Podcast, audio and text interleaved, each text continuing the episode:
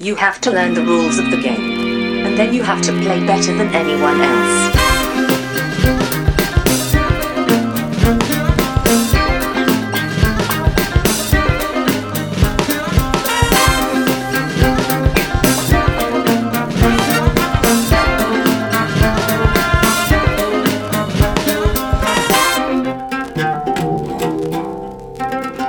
Välkomna till Vems tur är det mellan turerna? Podcasten där vi pratar om spel. Jag heter Marcus Brisman och med mig har jag som vanligt min bästa vän och kollega Tage till min Hasse, Johan Gärrud. Ja, hej Brisse. Uh, Hej. Där var också, eh, jag blir lite så här... eh, den där gillade jag. Mm, jag, jag gillar Hasse och Tage väldigt mycket faktiskt. Jag har lyssnat ofantligt mycket på Lindemann när jag var liten. Eh, Min pappa hade ett så band med dem eh, som jag lyssnade på om och om, om, om, om igen. Ja, just det. Jag med. Jag, jag hade också ett band med, eh, med, med Lindemann. Ja, det gick varmt. Strunt samma. Nu ska Ja. vi inte, det, det är inte Hasse och Tage-podden här. Nej, tror, jag, precis. tror jag i alla fall. Eh, så. Nej, nej det, är- det är inte han som tagit på den. Nej. Så, eh, ja. Ska vi berätta, prata om något speciellt eller ska vi gå in på vårt första programpunkt helt enkelt bara? Vi kan köra tycker jag. Då kör vi på Ja. första programpunkt med en trudelutt.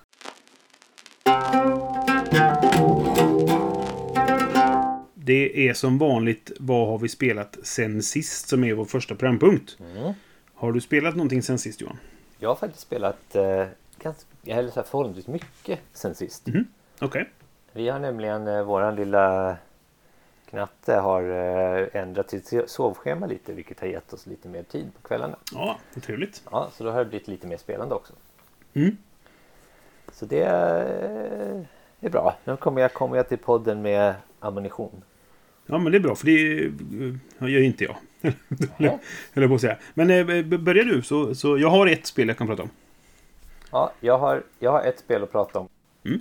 Det jag har spelat är ett spel som heter Remember Our Trip. Just det. Och det är utgivet av DLP Games och designat av Sashi och Daryl Cho.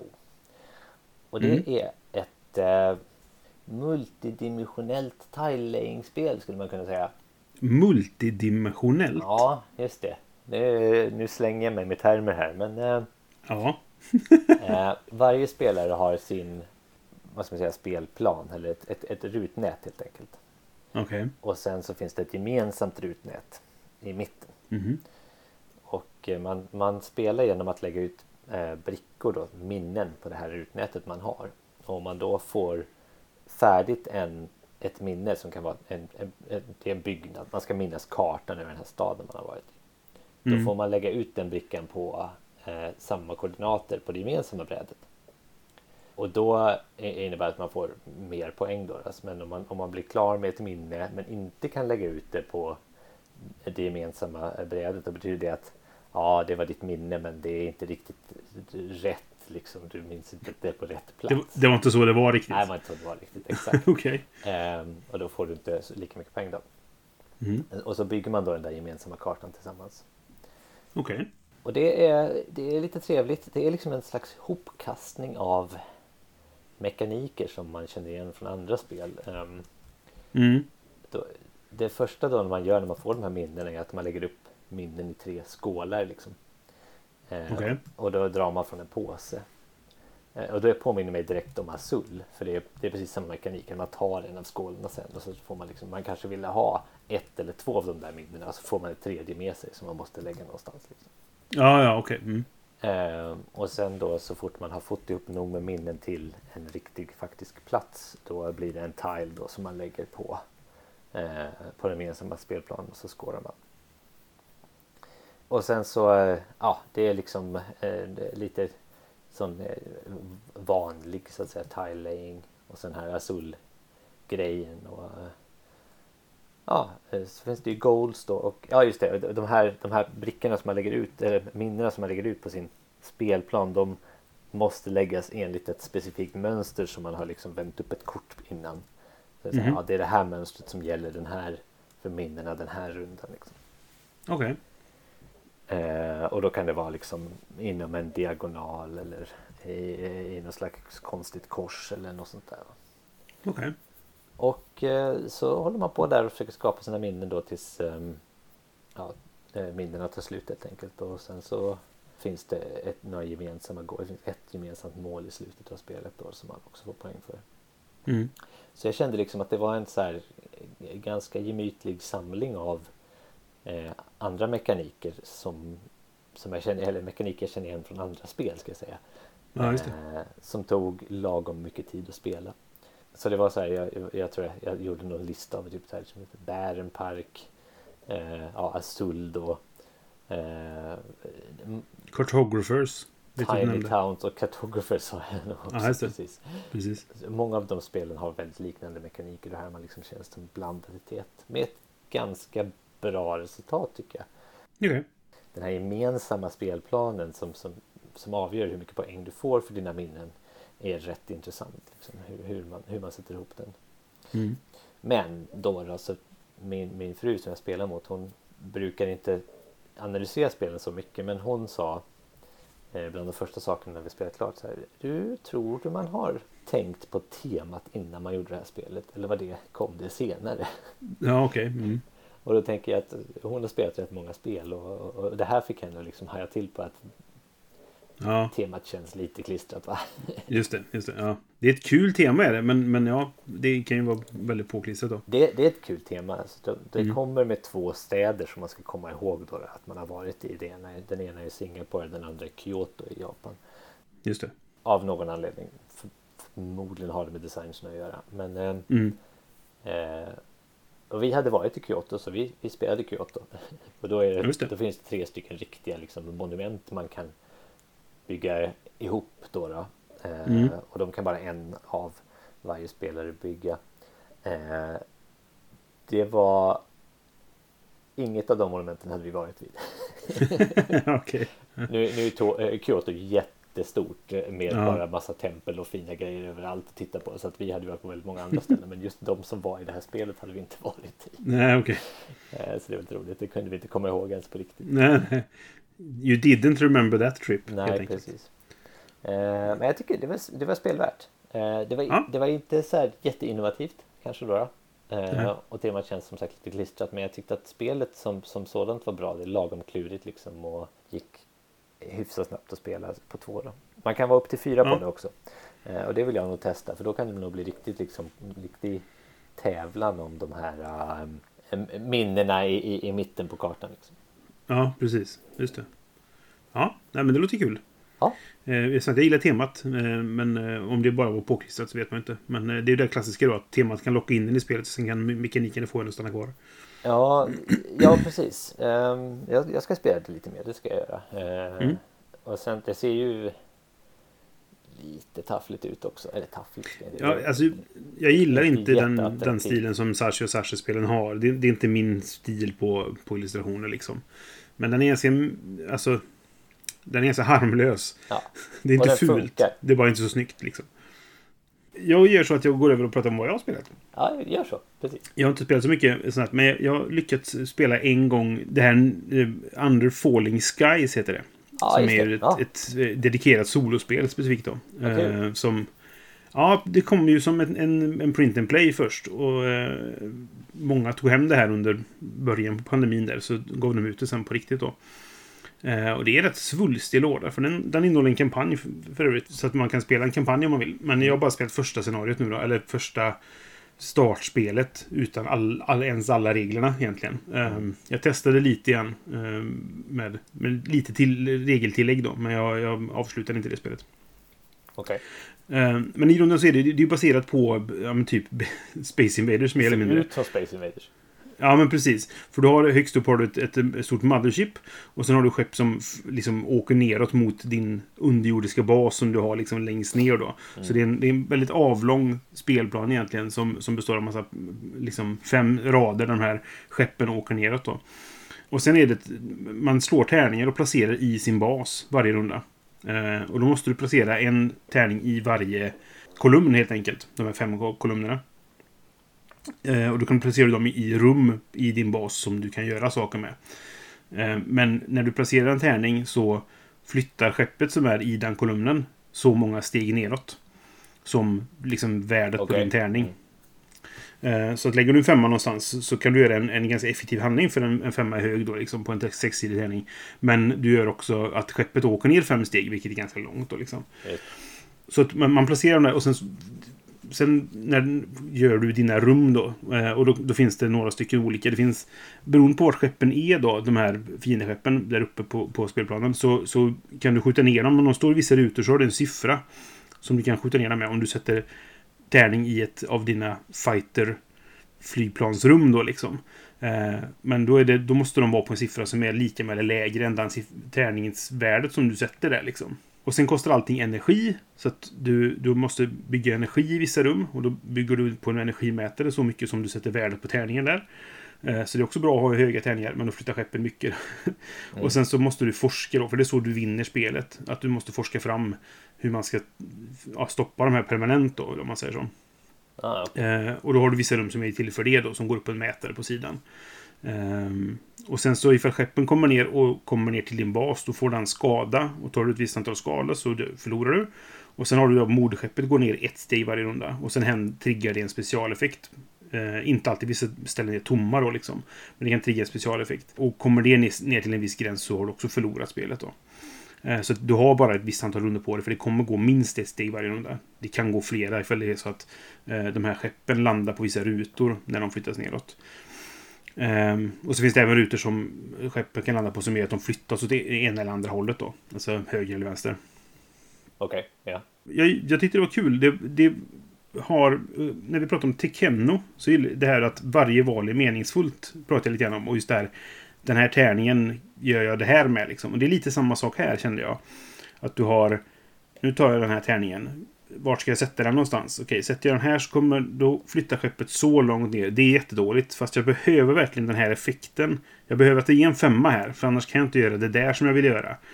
För att eh, till exempel att flytta upp på den här eh, science-tracken så måste du ha det, varje steg är liksom en siffra som är typ 1, 3, 2, 4 sådär. Blandade siffror. Ja. Och värdet på tärningen du sätter i ett science-rum det ger så mycket du kan flytta. Så om du sätter en 4 till exempel och så är stegen 1 och sen 3 då har du använt 4 poäng.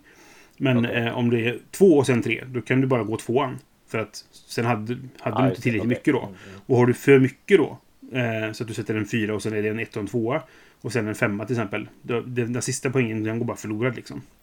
Så det är ett avvägande hela tiden på hur, vad sätter jag vart och vad får det för effekt på dels på vad jag vill göra och dels på vad som händer på spelplanen. Och jag gillar den dubbla grejen där. Att eh, man måste tänka på två steg hela tiden. Ehm, och sen är det varje gång du slår tärningar, eller du har fem tärningar, men det är tre grå och två vita. Och varje gång du använder en vit tärning och sätter ut den liksom, då måste du slå om alla, alla tärningar du har kvar. Eh, Så ibland kan man använda det till sin fördel då, att just nu vill jag inte sätta något av de här grejerna. Så jag använder en vit tärning så jag kan få slå om dem. Men ibland så är det typ så här, jag vill verkligen inte slå om det här nu. Ja, då måste jag sätta en grå här istället för att sätta den vita. Fast den grå har en annan siffra som... Och jag behöver verkligen Ah, okej. en fyra här eller vad det kan vara. Liksom. Var typ Så precis hela som tiden- de valen man har i Tekken. Ja, men precis, typ så. Eh, och så det finns vissa likheter kände jag just i, i det- det valsfären man har, eller vad man ska säga. Eh, och jag tyckte det var väldigt intressant faktiskt. Jag är sugen på att spela mer och testa då. För då finns det så här, man kan lägga till lite saker. Du kan göra eh, de olika städerna som du har. De avgör lite grann vilken typ, vad heter det, din bas, hur den är uppbyggd. Eh, avgörs lite grann av, av staden du har dem för. Och så kan de ha specialeffekter för, som är kopplade till staden också. Och så finns det extra svårighetsgrader på ja, men, den här själva spelplanen där de onda skeppen eller alien-skeppen flyger ner då. Ah, okej. Eh, och sen läggs det till att man kan ha robotar och lite sådana saker. Och sen kommer dessutom då efter det den här kampanjen som man kan spela i. Eh, som är fyra kapitel tror jag det är. Där man låser upp grejer allt eftersom liksom. Så det, det, är inte, det är inte så stor låda. Den är typ ungefär samma storlek som Codenames och de här. Lite större kanske. Men ungefär den, de som CG har släppt tidigare, de spelen. Okej. Eh, men den är helt fylld med papp. Liksom. Eh, den är välfylld. Jag, jag, jag fick hem lådan och bara hjälp, den här väger jättemycket. Eh, för sin storlek liksom. Så det, det lovade mer helt klart. Så nu har jag bara spelat basic, basic-varianten. Eh, och det, det var intressant. Så det, det ska bli kul att testa igen. Intressant. Jag, jag har sneglat på det där men undrat om det varit värt det. Men det, nu låter det som att det finns någonting där. Mm. Jag, jag, jag tyckte det. Ehm, och just om man ser på hur mycket man får i lådan så är det definitivt värt pengarna. Eh, sen är det om man inte gillar spelet så är det en helt annan sak. Då. Men just bara liksom antal, liksom vikt, vikt per krona så är det, är det mycket saker du får. Ja, okej. Ja, det är ju inte alltid man kanske använder den måttstocken när man köper spel. Men Nej, den är så ovanlig. Men Ja. jag kände att det var värt att lyfta det här fallet. ja, ja. ja bra. Ja. Nej, men det, det ska jag pröva. Nu säger jag det, men det kommer jag nog inte göra än på ett litet tag i alla fall. Nej. Eh, Men det kan men jag man ju spela själv. Så det blir mer sugen ju... på det. Ja, precis. Ju längre Mm. pandemin går, desto mer stärks dess aktier tror jag. Ja, men lite så. Ja, ska vi gå vidare till vår nästa programpunkt helt enkelt?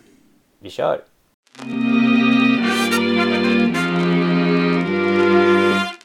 Då kommer vi till avsnittets ämne.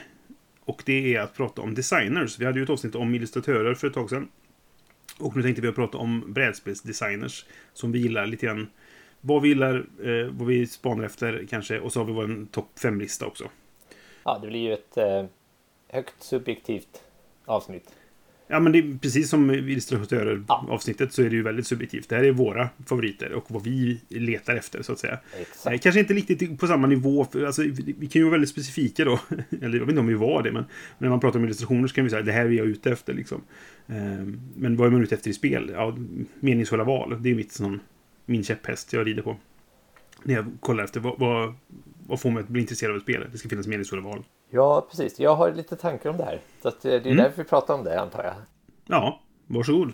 Ja, nej men jag tycker att det är annorlunda här. Jag är nämligen av den eh, åsikten att och det här, det här känner jag mig utmanad på hela tiden.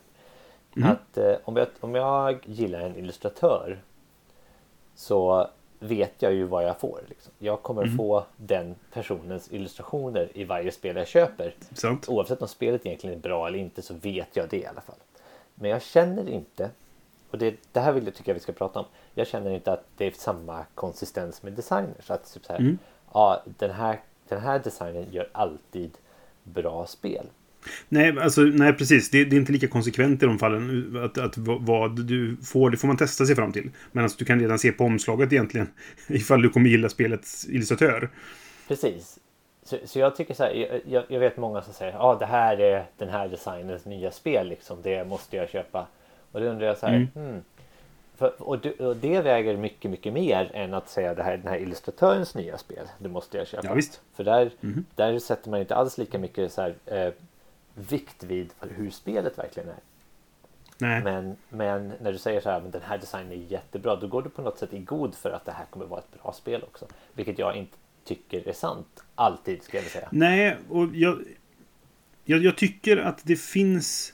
Jag har ju alltid haft lite, tagit lite avstånd till, från det här med de här personkulterna som lätt uppstår kring eh, speldesigners. Att det är så här, alla bara, åh det är det nya Ove-spelet, jag måste spela det. Eller åh det är nya Stefan Feld, jag måste ha det. Bara, vad handlar det om? Ingen aning. Bara, Nej, okej. Precis, och det är precis det jag ville lyfta lite så här. Det finns ju en sån eh, personkult tycker jag kring designers. Och då eh, ställde vår vän Åke en fråga eh, här om sistone. Han sa att alltså jag undrar hur många det är som säger att de gillar en designer och verkligen eh, säger det för att den designen har bara designats bra spel i deras mening eller för att de på något sätt sätter vikt vid hur man framställer sig själv i ens uppskattning av den personen.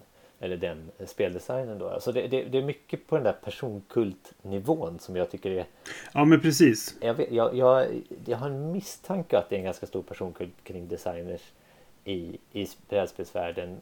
Men jag vill på något sätt säga att jag är nog inte på den nivån. Jag tycker inte att det är så himla kristallklart att säga att den här designen gör alltid ett bra spel.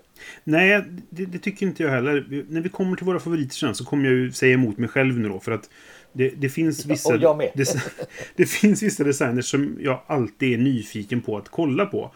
Men jag tycker ju inte att någon som jag... Det finns ingen designer tycker jag som har gjort bara bra spel. Och det finns ju till och med fall där jag har gillat en designer och sen slutat gilla den för jag tycker att nu gör de inte bra saker längre. Eh, eller sådär liksom. Eh, en som jag tror kanske kan vara med på din lista. Ignacy Cevicek till exempel. Jag, jag gissar att han är på din topp 5. En var någon som jag... All, alltid när han släppte något nytt, eller när Portal Games släppte något nytt, och det var inte bara han som designade för dem då, men, men eh, han är väl deras hu huvuddesigner egentligen. Eh, Mm. Och alltid när han, de släppte någonting så var jag intresserad av det. Men nu tycker jag att de har, jag har blivit besviken på deras släpp de senaste typ åren. Alltså två, tre av åren har jag tyckt så här. Ingenting de släppt har varit någonting som fallit mig i smaken jättemycket. Har vi inte pratat om det? För jag är ju lite likadan. Ja. Eh, har samma, eh, samma uppfattning. Och det, det, Då kanske han inte är med på din lista längre. Det på något sätt bevisar lite min poäng också Mm. för mig själv i alla fall. Och, och då har jag tänkt så här. Ja, det, finns ju, det finns ju tre grejer som man kanske letar efter när man hypar ett spel för sig själv. Mm. Eh, och det är kanske då kanske illustratör, en, i alla fall för mig. Då, då. Mm. Och så är det spelets designer som är viktigare för andra kanske eh, än för mig. Och sen så är det också eh, publishern så att säga. Det, Ja, utgivaren. Mm. Ja, utgivaren är nog ett bättre ord. Och då vet jag inte om jag kanske tycker att, nu pratar vi inte om utgivare i det här avsnittet, men jag vet inte om jag kanske tycker att utgivaren är mera intressant än designen Ja. för att jag på något sätt känner en garanterad kvalitet. Och då pratar jag inte bara kanske spelmekaniker utan även i komponenter och eh, illustrationer och, och sådana här saker. Nej, och det tror jag jag är även... lite kluven på den här frågan. Ja, jag, jag tror när det gäller, kommer till utgivare så tror jag det även spelar roll att för att nu, nu, det beror på vad det är för företag naturligtvis och hur stor utgivaren är. Men är det en, en ganska liten utgivare eller som en, en utgivare som har dedikerade personer som jobbar med att, att eh, leta efter spel de ska ge ut så att säga. Så, vilket väl de flesta gör. Även om de största företagen har väl definitivt sådana personer. Ehm, de har antagligen folk som jobbar på att leta upp spel och hitta spel de vill ge ut. Om de inte ger ut bara sina egna spel eller vad det kan vara. Och har du hittat en, en utgivare som du gillar, som du har gett ut flera spel som du gillat, så har de antagligen en spelsmak som klaffar med din. De letar ju efter spel som de vill ge ut. Och om du då gillat deras tidigare saker så finns det ju en ganska stor chans att du kommer gilla det de tar härnäst också för att de har letat upp ett spel igen som de vill ge ut och därför gillar. Och då kanske det ja, passar med din spelsmak Mm. igen, om man säger så. Jo, men så, så kan det vara. Ehm, Jag tycker till exempel att de här, ehm, om vi pratar Remember Our Trip igen, det är DLP Games. Så jag tycker att, att DLP Games har intressanta spel. Mm. Ehm, Ofta intressantare än bra kanske, men jag har, det har ändå funnits några riktiga liksom, pärlor där. Del på har gett ut Eh. några riktiga pärlor, absolut, det håller jag med. Men de har också gett ut några som har fallit totalt platt för mig. Eh, Så det, det är väldigt blandat där. Men ja, det, DLP är en av de här företagen, eller en av utgivarna som jag tittar lite på. Speciellt när man kollar så här inför eh, spel då. När, när preview-listorna kommer och sånt. Så då är DLP en sån här, ja nu ska det bli intressant att se vad de har den här gången liksom. Ja, Så att absolut, jag, jag tror nästan att utgivare spelar större roll för mig än designer. Eh, faktiskt. men det är inte därför vi är här, utan vi ska prata lite mer om, om designers. Ja. Och då kanske ni tycker att varför lyfter ni fram de här designersna? Vi har ju inte ens nämnt den här och den här. Och då vill vi höra det, för att eh, det kanske är designers som inte vi ens har tänkt på. Nej men absolut. Det är alltid kul att hitta folk som är intressanta. Jag har faktiskt, eh, förutom min topp 5-lista, så har jag skrivit ner fem stycken up and comers. Som är så här, de här Aha. skulle kunna komma in på min lista, eller kanske ligger precis utanför min lista. Ja, Sådär. Så, jag, har en, jag har en honorable mention. Ja, men precis det. Fast jag, jag har fem stycken på den. Jag kan, ska jag ta dem lite snabbt? Ja, det tycker jag. Eh, då har jag Cole Worley faktiskt. I och med att jag bara egentligen kanske har spelat tre av hans spel nu då. Jag spelat John Company som jag inte tyckte var så bra. Men det var nog mer spelupplevelsen än speldesignen som var dålig där så att säga. Men jag gillar Root och jag gillar väldigt mycket eh, Pax Pamir, Second Edition. Mm. Sen har vi Jeff Engelstein som jag inte heller har spelat så många spel av. Och jag tror inte att jag skulle gilla alla hans spel. Jag tror inte jag skulle gilla de här när man slåss på något värdshus. Jag kommer inte komma ihåg vad det heter nu. Dragon and Flagon någonting. Ehm, Okej. Och eh, de här Space eh, Duell eh, Shuhei-spelen. Men jag gillar ju The Expanse-spelet väldigt mycket och gillar Versailles 1919 väldigt mycket. Så att det, Ja. jag tänker hålla koll på honom lite grann i framtiden. Ja, han trodde jag var på din lista, men eh, Tji fick du. tji fick jag. Men det är för att jag har spelat för lite av honom egentligen. Och jag tror att det Ja. finns spel som jag absolut inte skulle gilla i, i hans... Eh, sådär. Men eh, ja, han, han ligger väl på sjätte plats kanske. eh, sen har vi Wolfgang Warsch. Som eh, Ja, har gjort flera spel som jag har väldigt kul med. Eh, ja, som Quaxo Schwedlinburg och eh, Tevens och Tiefenthal till exempel. Och även eh, det här, vad heter det? Eh, Var inte han som gjorde The Mind också? Eller? eh, ja, precis. The Mind. Men det gillar jag ju inte. Det är inte ett spel ens. Eh, Nej. Jag gillar ingenting som han har gjort. Men i alla fall. Mm. Nej, det, och det, det får man göra. Men jag, jag tycker att han gör ganska roliga spel. De är, inget av spelen jag, han har gjort som jag gillar är så här Åh, vad bra designat det är. Eller åh, vad, vad det här är genialiskt. Utan jag har kul när jag spelar dem. Sen Men det är alltid något. Ja, men precis. Sen har vi Sofia Wagner som eh, gjorde Noria som jag inte gillade. Men så gjorde Nej. hon The Boldest som jag verkligen gillade. Så att eh, hon är... Det är jag nyfiken på Ja. att pröva. Alltså. Ja, jag är nyfiken på vad hon gör härnäst. Faktiskt. Mm. Mm. Tror hon har gjort något mer spel som jag inte hunnit testa. Och sen sist på bubblarlistan då. Så har vi, ursäkta uttalet nu, men Jyri Soravloj.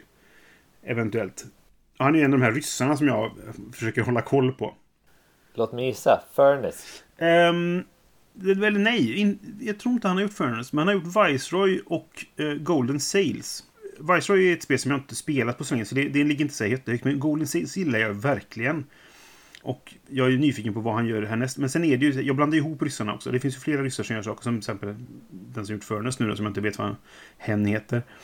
Eh, Ja, just det. men, men så det, det är också en sån här som jag vill hålla lite koll på. Eh, så, men som inte får vara med på min lista för att han har inte gjort så mycket egentligen. Just det. Vad hade du då för bubblare? Nej, bub bubblare har jag inte. Utan jag, jag ska bara försöka säga Honorable också hur jag, Mm. hur jag har tänkt kring det här. Och då har jag tänkt, du har varit lite inne på det. Så här, den designen jag vill ta upp som måste ha gjort mer än ett spel jag har spelat. Liksom. Så att jag har, om jag verkligen gillar ett spel men jag har bara spelat ett spel av den designen så är Mm. inte den designen med på den här listan. Det var en sak jag tänkte på faktiskt. Det här, ibland så finns det designers som gör ett bra spel som man verkligen gillar och sen så inget mer. One hit wonders liksom. Ja, det. inte att de bara gör ett spel, men att de har gjort ett spel som du verkligen gillar och sen så bara resten, eh, sådär. Men jag, jag kan ta ett exempel på det. Till exempel Mm. eh, Michel Hendricks som gjorde Legacy. Mm. Jag har ju spelat Legacy hur mycket som helst. Men jag har inte spelat något annat spel av honom. Nej. Jag tycker att det är en kul idé. Det är en väl genomförd design. Ignacy Cevicek var med på ett, på ett, på ett hörn där såklart. Men, eh, men jag har inte spelat något mer av, av Michel Hendrix Nej. Så att därför kommer inte han med på listan även om det är ett spel som jag mycket uppskattar. Så, alltså, lite så jag har tänkt kring det.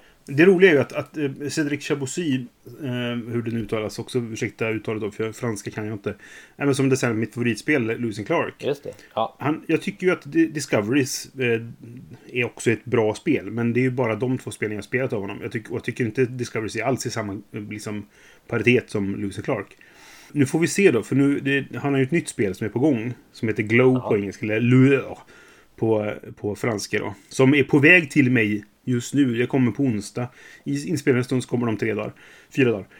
Eh, så vi får se hur det är. Eh, så det är jag väldigt nyfiken på. För det är ett spel Ja. som är, är alltså designat av min favorit... Inte min favoritdesigner ska jag säga, för det är det ju inte. Men den som har designat min favoritspel. Och med illustrationer av eh, Vincent Dutré. Så det, det är match made in heaven, vilket borde funka då. Vilket, det är ju Wow. Lucy Clark också. Okej. Jag har höga hopp för Glow, eller Lueur. nu blir jag intresserad också. Mm, precis. Intressant. Ja, nej, och, och då då. Eh, nästa kriterie jag har på min lista är om jag får det jag förväntar mig. Så här kommer vi kanske lite tillbaka på det här att okej, eh, den- jag vet den här designen ger mig alltid ungefär samma upplevelse eller levererar någonting roligt varje gång. Mm, Det är ett kriterie för att komma på min lista också. mm. Och det sista var spel som jag tycker är roligt. Ja, men det, det låter som att du har ungefär samma kriterier som jag har haft. Det, det var väldigt löst. Ett väldigt löst kriterie. Så det är klart man inte sätter en, ett, ett, en designer som har skapat ett spel jag inte tycker är roligt på listan. Nej. ja, nej, det, det känns ju som att det är lite självklart så kanske. Men jag kan ju säga att, att nummer fem på min lista är... Har, har gjort en hel del spel som jag verkligen inte gillar. Eh, men eh, det finns en ganska enkel förklaring till det också. Okej, intressant. Men då kommer jag till min honorable mention då. Mm. Och det är någon som jag tror är på din lista Okej. faktiskt. Mm. Och det är Richard Garfield. Som jag faktiskt inte kan sätta på listan. Men som har haft en sån otrolig inflytande på både min spelkarriär så att säga. Mm. Men också på, på brädspelsbranschen. För han startade otroligt tidigt. Och just att han då gjorde Magic the Gathering. Mm. Som är liksom så här alla kortspels moder och jag är en kortspelare. Så måste han vara med på Mm. listan. Men han uppfyller väl... Jag, jag spelade aldrig Magic jättemycket. Nej, Jag spelade Vampire jättemycket. just det. Men sen saker som han har gjort på senare tid som King of Tokyo och, och ja, vi spelade Keyforge tillsammans. Jag blev liksom inte riktigt frälst på det sättet. Jag menar han, han, han gör jättebra spel och just de här kombomekanikerna i de kortspelen han har gjort Mm. är liksom geniala på sitt sätt. Men han, han är in, nådde inte riktigt upp till alla de där kriterierna med sina modernare spel. Alltså som moderna speldesigners så, eh, så, så visst, han ha- harplar ju fortfarande ur sig spel. Men, men jag tycker hans gamla spel är bättre och han har liksom en viss, viss roll för mig i min, som jag då säger, spelkarriär. Mm. Främst genom Vampire. Så jag, jag måste nämna honom. Men han, han, han kommer inte in på listan. Men jag tycker han, han behöver en omnämnande. Ja, jag, jag, omnämnande. jag kan väl spoila då och säga att han är inte med på min topp 5. Och det, ja, men av den enkla anledningen att det, han, han är mitt svar. Du vet när man ställer den här frågan. Vem, vem, om du bara fick ta med dig en designers spel till en öde ö, vem skulle du ta då? Då är det lätt, lätt svaret Richard Garfield. För jag skulle kunna syssla bara med hans spel resten av mitt liv, antagligen. Ja, jag vill ta, Alltså- ta med alla Magic-kort som finns Ja, där. precis, så, precis. så har du att göra. Alla Magic-kort, alla Netrunner-kort, alla Jihad-kort, eller förlåt, Vampire The Eternal Struggle. Och sådär. Eh, Och folk brukar prata om, du vet det här, om man skulle ha ett eh, Mount Rushmore över speldesigners, vilka fyra skulle vara med på det då? Och jag tycker att Richard Garfield skulle vara en av dem, för att han har haft ett otroligt inflytande på, på branschen eh, i vad han skapat då. Så att, eh, ja, han, han är väldigt stor för mig och ett, när jag fick intervjua honom, du var ju med då eh, och, och Ja. fotade åt mig. Och det, det är ett av mina stoltaste speljournalist, vad man nu ska säga inom citationstecken, ögonblick sådär. För att det var väldigt kul att träffa honom för att han, han är en gigant, verkligen. Men det är lite som du säger, han släpper inte så mycket längre som är något superbra sådär. Jag har faktiskt inte spelat Bunny Kingdom till exempel, men, men i vilket fall. Nej, jag Jag, är ofta nyfiken på hans spel och vill kolla på dem lite grann sådär.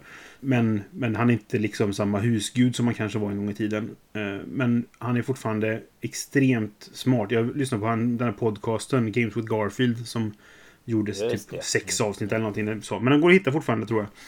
Eh, om, man, om man letar efter den. Och väl jättesmart. Kan väldigt mycket om spel. Liksom, sådär. Så att han är så. Men han, han får inte riktigt vara med på topp 5 för att Ja, det är mer så här forna glansdagar han lever i liksom på något sätt. Ja, har du någon honorable mention? Ja, det, det skulle ju vara då Richard Garfield eventuellt. Ja, ja men Ehm. då kan väl min eh, räcka för båda oss. ja, precis. Ska vi ta topplistorna då? Ja, vi kör. Jag Vi skri- börjar på fem. Ja. Eller? ja, ja, precis. Vi tar, går nerifrån och uppåt mot toppen. Ja, jag kan börja. Varsågod. Men min topp fem är faktiskt, eller min topp fem, min plats fem är faktiskt två personer. Mm. Som går hand i hand. Mhm. Och det är Inka och Marcus Brand. Okej. Mycket för att Village var min inkörsport till, till brädspelen. Det var mycket det som öppnade vägarna för mig som, som brädspelare. Just att, att det, var, det var någonting som var så unikt och intressant Mhm. som gjorde att jag ville titta på mera brädspel. Liksom. Just det. Eh, och så spel, det spelades ju väldigt mycket liksom. Eh, när, när vi först fick tag på det i, i Det var nog det första SN-mässan vi var på tror jag. I alla fall som jag var på. Eh, kanske. Oklart. Ja. Ja, 2011 där någonstans tror jag. Första du var Eh. på var samma som var min första. Det var 2006. Det är jag rätt säker på. Men sen var du inte där på några år. Ja, för när kom det ut? Ja, nu blir det dålig podd igen, men eh, Village kom ut eh, 2011. okej, då kanske jag hade varit på ett innan då. Ja, ja, när vi åkte den här bussen ner. Ja, det var Och, 2006. eh, eller 2007. ja, det var möjligtvis. 2000. Jag, kommer inte ihåg exakt. ja, okej. Men sen vet jag att du nej, hade ett då- uppehåll. Eh, och sen Just var det nog första året du var nere igen. Som var Just det året som Village kom. Och det var det året jag inte spelade det. Och sen spelade vi det nästa år. För all, ni sa så här, det här måste du spela för det är väldigt bra. Och vi spelade där nere. Fast det inte var ett nytt spel, tänker jag säga. På mässan. Ja, Och jag, ja, jag gillar det. och då för att följa upp det där lilla motivationen var väl att sen har de gjort andra spel. De gjorde My Village till exempel. Det är kanske inte är så jätteskillnad mot Village, men det var också sådär så att man, man fick vad man förväntade sig. Det var liksom ett bra spel. Men på, på senare tid så har jag också blivit väldigt förtjust i Rise of the Ganges. Eh, som jag eh, nyligen har skaffat mig min egen kopia av. Mm. Det tycker jag är ett jättebra spel och det är också de då. då. Det är ett jättebra spel faktiskt. Sen har de gjort hela Exit-serien också, om man gillar de spelen. Precis, sen har de gjort hela Exit-serien också. Mm. Eh, och de har, eh, så har de gjort det här Legacy-spelet också, Queen's Dale. Just det, som jag inte spelat men som jag är lite Inte nyfiken jag på. heller. Mm. Det borde jag göra nu då eftersom att eh, de ligger här på, på, min, på min lista och Ja, det kan man simmar. tycka då. Där har jag i alla fall min plats nummer sex. Fem. Fem. Five sir. Nej, three sir. Ja, ja det, men det, är bra val. Ehm, jag. Jag, nu orkar jag inte kolla, för jag kollar på Boarding Geek här nu så här. Si år, 142. Ja, okej. Varav eh, 18 exit-titlar. Ja. Ehm, men, men jag, jag gillar Rajas eh, väldigt mycket och Village också väldigt bra. Även om det inte är med på min topp 100 längre. Oj, fallit utanför topp 100 alltså. Tror det, ska jag säga. Jag Jag har varit med, med väldigt länge liksom och det finns Ja, och jag, jag spelade så sällan så att det, det, det faller liksom tyvärr neråt. Men, men det, är ett bra val, Marcus In- Inka-brand, helt klart. Jag tycker fortfarande det är rätt unikt ändå. Alltså, för om man håller upp Village lite. Alltså, det är det här med att man, man tar de här um, resursblocken, äh, resurs, eh, vad heter det, kuberna för att göra sin handling. Det tycker jag är en fin grej. Mm. Och så den här dödsmekaniken. Jo, men det, det är lite som... eh, Det här gjorde vi ett avsnitt om för länge sedan. Alltså när vi hade vår första podd från 2014. Och där, där pratade vi om detta med att, att det, det, är, det är lite, inte unikt, det är det inte, men det är ganska ovanligt med ett väldigt torrt euro som ändå, främjar historieberättande på det sättet som det gör. Eh, Exakt. och det är väldigt Det intressant. var väl sagt Brisse. Mm, tack. Eh, Min nummer fem är Dr. Rainer Knizia. ser man ja. Och det, han är ju lite så här, han måste ju vara med nästan. För att han har gjort så otroligt mycket. Och jag... så, ja nu jag kommer vi där igen och nosar lite på att måste han vara med? Mm, Men, du, du men, men jag har mer ja. motivering till detta. Och det, Ja. det, att jag, som jag sa förut så är det, alltså, jag- han har ju också gjort väldigt många spel som jag inte gillar. Det är för att han har gjort så många spel. Han har gjort 600 spel eller någonting. Folk brukar säga 600, jag vet inte hur sant det är. Eh, orkar inte kolla upp det nu, men, men han har gjort väldigt många spel. Och det är klart att det finns en del skit där liksom. Men det som jag tycker gör honom väldigt intressant, han, han, har, en, ja, men han har en grej där han eh, gör ett spel och sen sätter han en knorr på det som jag tycker oftast är väldigt, väldigt intressant. Två bra exempel då som är väldigt, det är samma knorr mer eller mindre. Men det är ju i Tigris och Eufrates så har du, du samlar eh, färger. Eh, Nu var det väldigt länge sedan jag spelade, så jag kommer inte ihåg ifall det är tre eller fyra färger. Eh, Jag har inte spelat, jag kommer inte kunna hjälpa dig tyvärr. Nej, men man samlar på färger i alla fall. Men på slutet så är det, då får du poäng för den färgen du har minst av. Eh, vilket är att du måste samla alla färgerna för att få någon sorts jämn poäng då, så att säga. Va? Ja. Eh, och sen i High Society där eh, du budar grejer liksom eh, med dina kort. Och sen på slutet så är det den som har minst pengar, den åker ut. Ja, Du, du kan inte vinna ifall du har spenderat mest pengar liksom. Eh, och de där små twisterna, de, de är han fan med expert på att göra. Och det tycker jag gör honom intressant. Det är alltid intressant att kolla på ett Knizia-spel och så här. Det är inte alltid twisten finns naturligtvis då. Men, men det, finns den så är det ofta så här, ah, intressant liksom. För han, han tar ett spel som är ganska basic, för han, han, han är ju liksom euromästare. Eh, att han, han gör torra spel med mycket matte, för det är det han är, är doktor i. Eh, Ja. liksom, ehm, och så gör... Men får han till den här twisten, då blir det lite magi i det på något sätt. Eh, då blåser han liv i spelet på ett sätt som jag tycker är väldigt intressant. Men som sagt, sen har han gjort jättemycket skräp också. Ehm, men ett av mina, Nej, men fair point. Ett av mina favorit eh, som funkar väldigt bra som inkörsspel också, det är ju Heckmeck. Eller Picomino. Eh, som är supersimpelt men, men väldigt intressant och engagerande. Och det finns, vi spelar faktiskt det, det skulle jag kunna prata om som vad jag spelat eh, sen sist. För vi spelar eh, Okej. Heckmeck Junior, eh, som är alltså en barnvarianten för det där. Och Okej. eh, det var riktigt roligt faktiskt. Eh, och funkade bra med våran eh, snart femåring.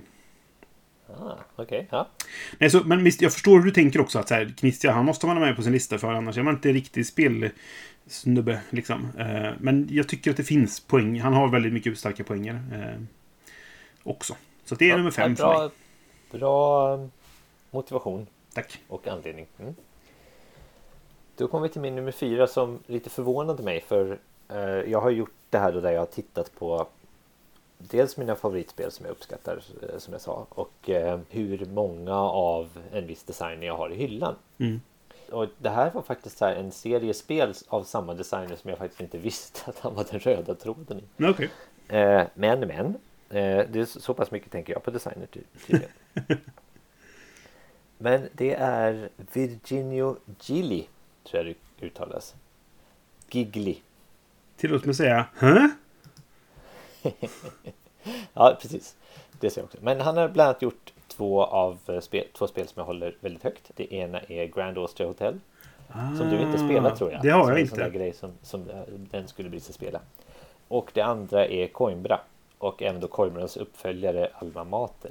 Ja, just det. Man brukar ju höra ganska mycket om Simone Luciani, men... men eh, Ja, de är väl polare antar ja, jag. precis. Och har väl gjort en hel del saker tillsammans då. Mm. Jag fick ju plocka den här herren då eftersom att han hade den här gemensamma nämnaren på alla de här eh, spelen då. då. Ja, just det. Lorenzo Il Magnifico också. Egizia har jag spelat. Ja, just Precis. det. Mm. Eh, och han har också ett, eh, han ligger bakom ett spel som kommer snart som heter Golem som är på utgivningsår 2021. Så att, eh, Men Det, det här är ju roligt då, för det här är ju, alltså, eh, Egizia så har jag spelat för länge sedan. Det var ju Flax gamla favoritspel. Eh, så det spelar vi en, del liksom. Grand, Grand Austria har jag inte spelat. Jag får, eh, Lorenzo Il Magnifico har jag spelat. Gillade okej första gången jag spelade. Sålde. Köpte igen. Har inte spelat sedan jag köpte det igen. Eh, och sen varken eh, Coimbra eller Alma Mater har jag ju spelat då. Så att, eh, ja. Ja, Jag ligger efter ja, det där. Får bli, då kanske du eh, får upp lite, du kanske bumpar upp lite på din hotness-lista när jag Ja, men ko- börjar. Coimbra är ett spel som jag verkligen vill spela. Men det, tyvärr ligger det ju liksom långt ner i högen eftersom det ligger massa recensionsskit ovanpå den. Skit ska jag inte säga. Man säger intressanta recensionsspel.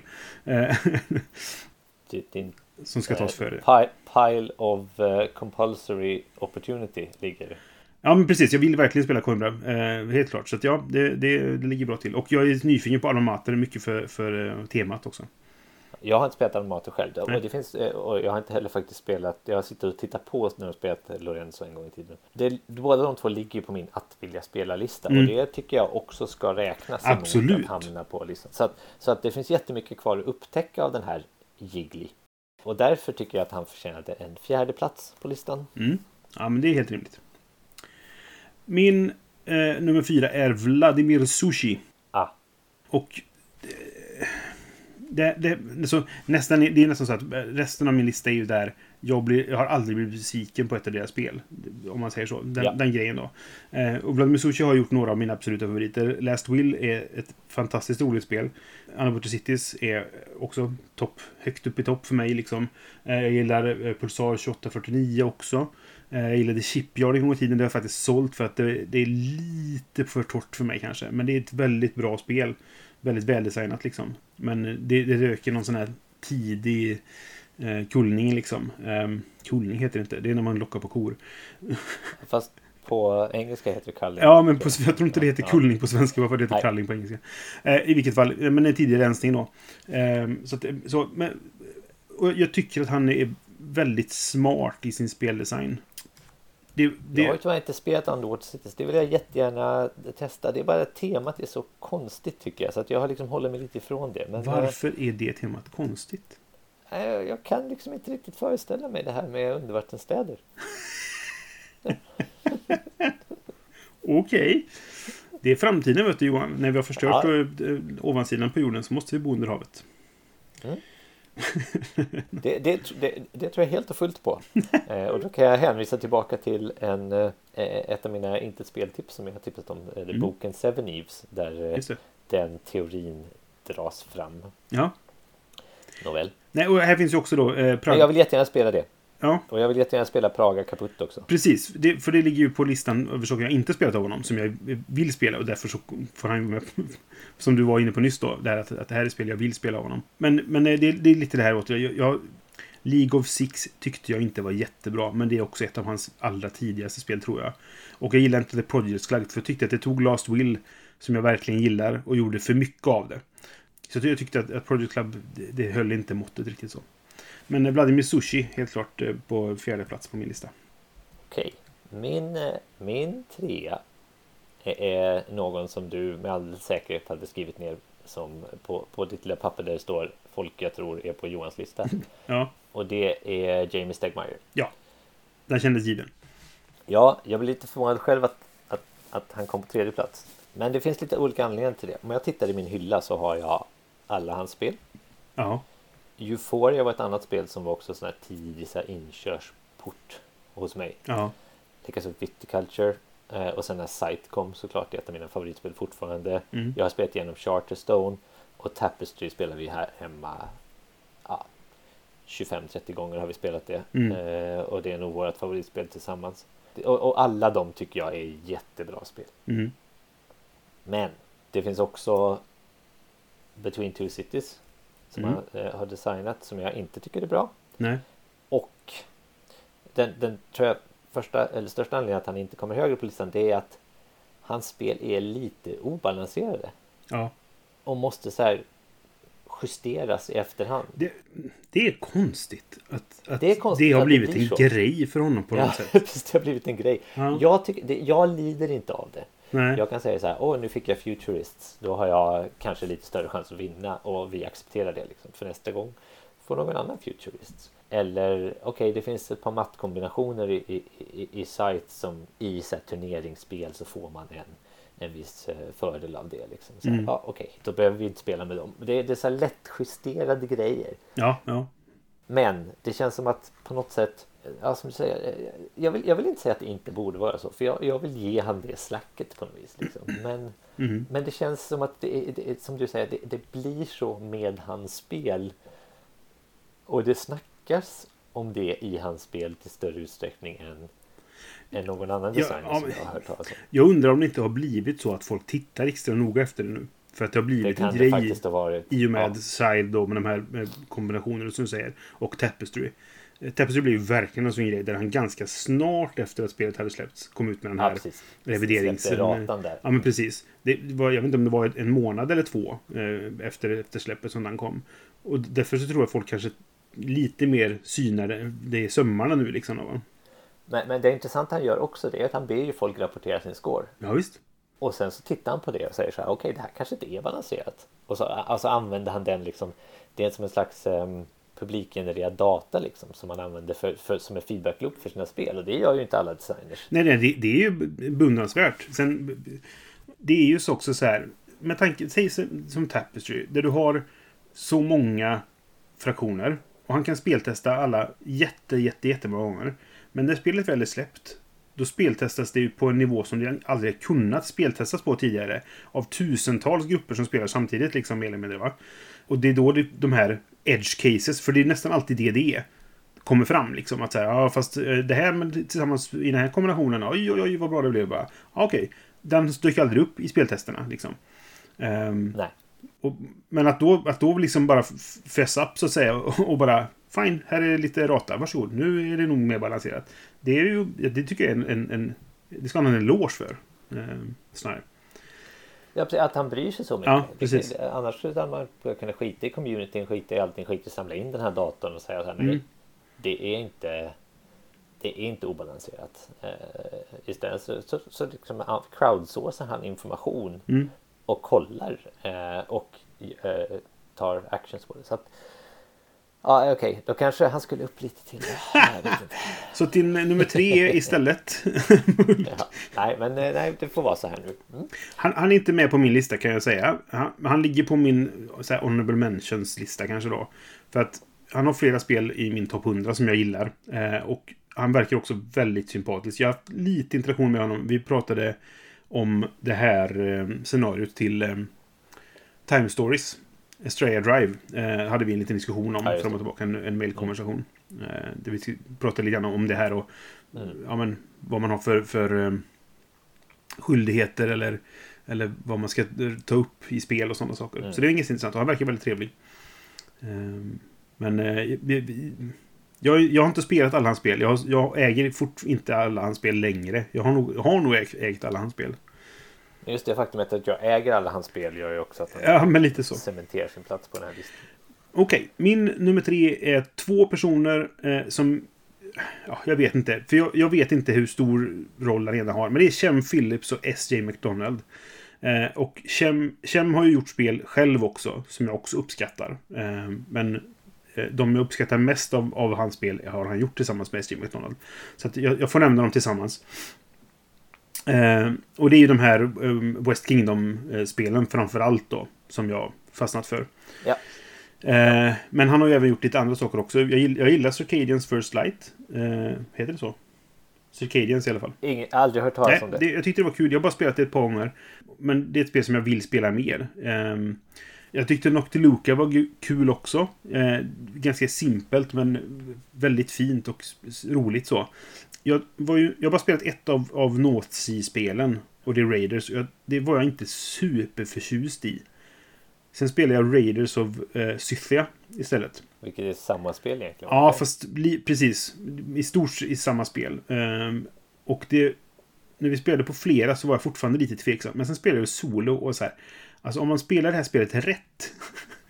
Ja. Vilket jag kanske inte gjort då de tidigare gångerna jag spelade. För det, det jag inte gillade med det var att, att jag, jag blev för stressad av det. Det tog slut när jag väl precis hade börjat komma igång. Liksom. Och spelar jag mot andra spelare så är de bara snabbare på mig i sina... Alltså, om jag fastnar i det här att vänta nu, jag, jag vill göra detta, men då måste jag göra detta först. Då kanske jag när jag väl har gjort den första saken, då är den andra saken redan tagen av de andra spelarna. Eh, och där är jag lite för långsam i mitt, mitt planerande, i, i antalet steg jag behöver göra för att komma någonstans. Eh, men Ja, solospelet förstår. var jag tvungen att, att jobba på det. Och då blev spelet bättre. Okej. Mm. Så därför så, jag, jag Ja, behöll är ju Raiders då- of City fast Det tyder ju på smart... Det tyder på smart speldesign. Ja, det gör det. Ja. Absolut. Och därför behöll jag Raiders of Scythia. Och Ja. ehm, jag, jag, ska spela Raiders of the North Sea med expansionerna. För att då, då tror jag det är på samma komplexitetsnivå som, eh, som Scythia. Ja. Men i, i vilket fall. Jag älskar ju Architects, Paladins. Viscounts får vara med för att jag, inte bara inte spelat tillräckligt mycket. Liksom. Men det, är- det är ju så här. De, fantastiska spel verkligen. Och är det någon som är typ så här. För nu kommer ju nästa trilogi då. Ska ju snart påbörjas. Under det här året så kommer han ju tillkännage. Det kommer inte komma ut i år. Men tillkännage vad nästa är då.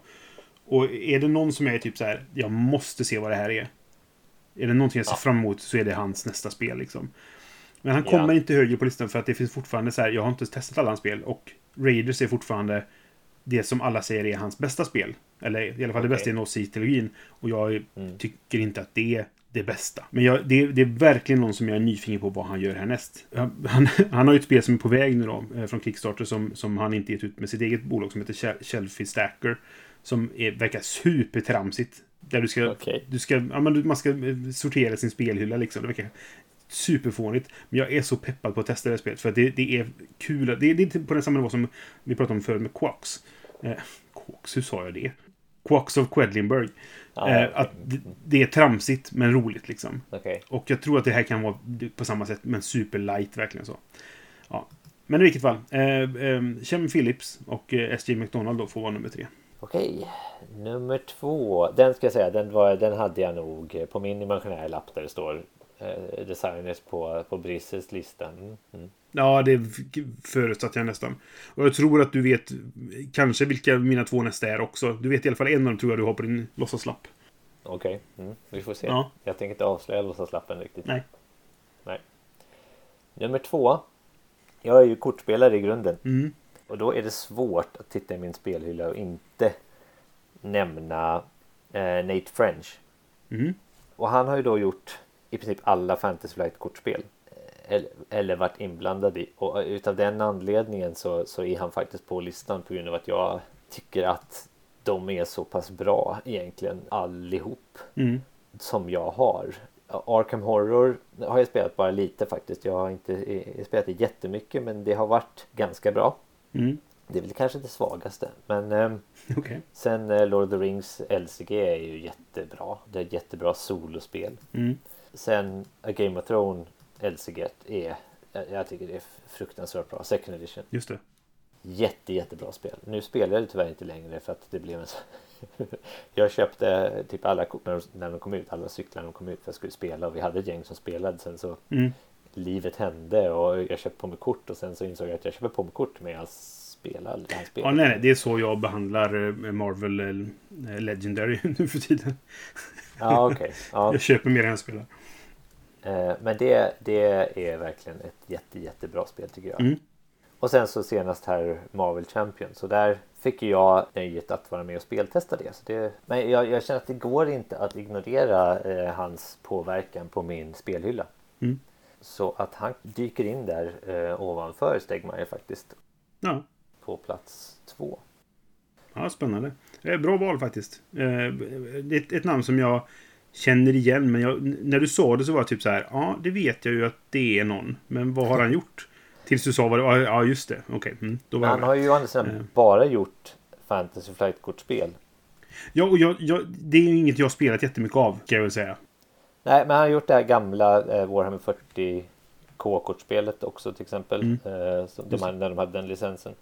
Eh, Mm. Så han är väl deras kortspelskille då. Och att sitta och harpla ur sig, det är lite samma som Garfield här faktiskt. Att sitta och Mm. harpla ur sig liksom expansioner till Arkham Horror och eh, Game of Thrones och ehm, eh, ja, Marvel då. Det, det måste ju vara ett ganska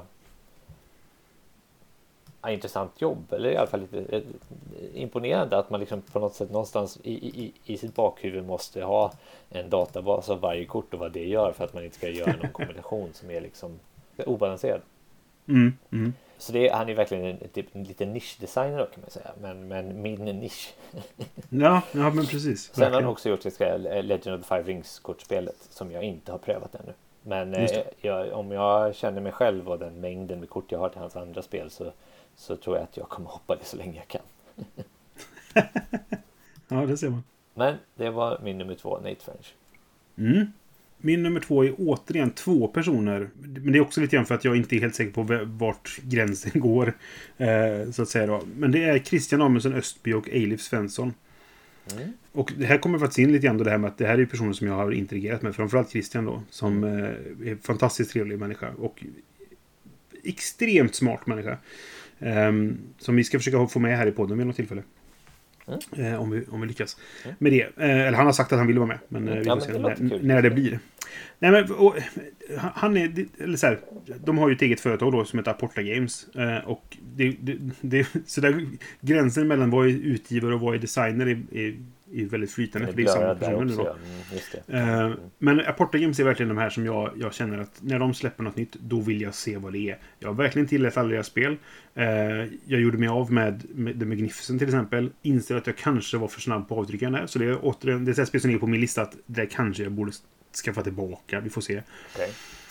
Men han har ju också några spel som jag alltså verkligen gillar. Som Capital Lux till exempel. Det är ett av mina absoluta favoritspel. Och det är så bra designat det spelet. Jag tycker det är helt fantastiskt. Eh, samma år som, som eh, Magnificent kom, kom också Offshore som jag verkligen gillade. Det var väldigt smart designat det spelet. Eh, men har ingen pratar om det överhuvudtaget. Eh, Nej, jag jag tror det var, om det. Tror jag. nej, men jag tror det var ganska liten printrun eventuellt. Okej. Och The Magnificent såg mer spektakulärt ut och handlade inte om oljeborrning i, i alltså Nordsjön, vilket är, låter väldigt tråkigt Jo. för många. Liksom. Jag har hört talas om det. Det har jag gjort. Eh, Men jag har inte Ja. Mm. Nej, jag, jag gillar det. Ehm, och Santa Maria är ju hans spel också. De här Alltså, även... är det?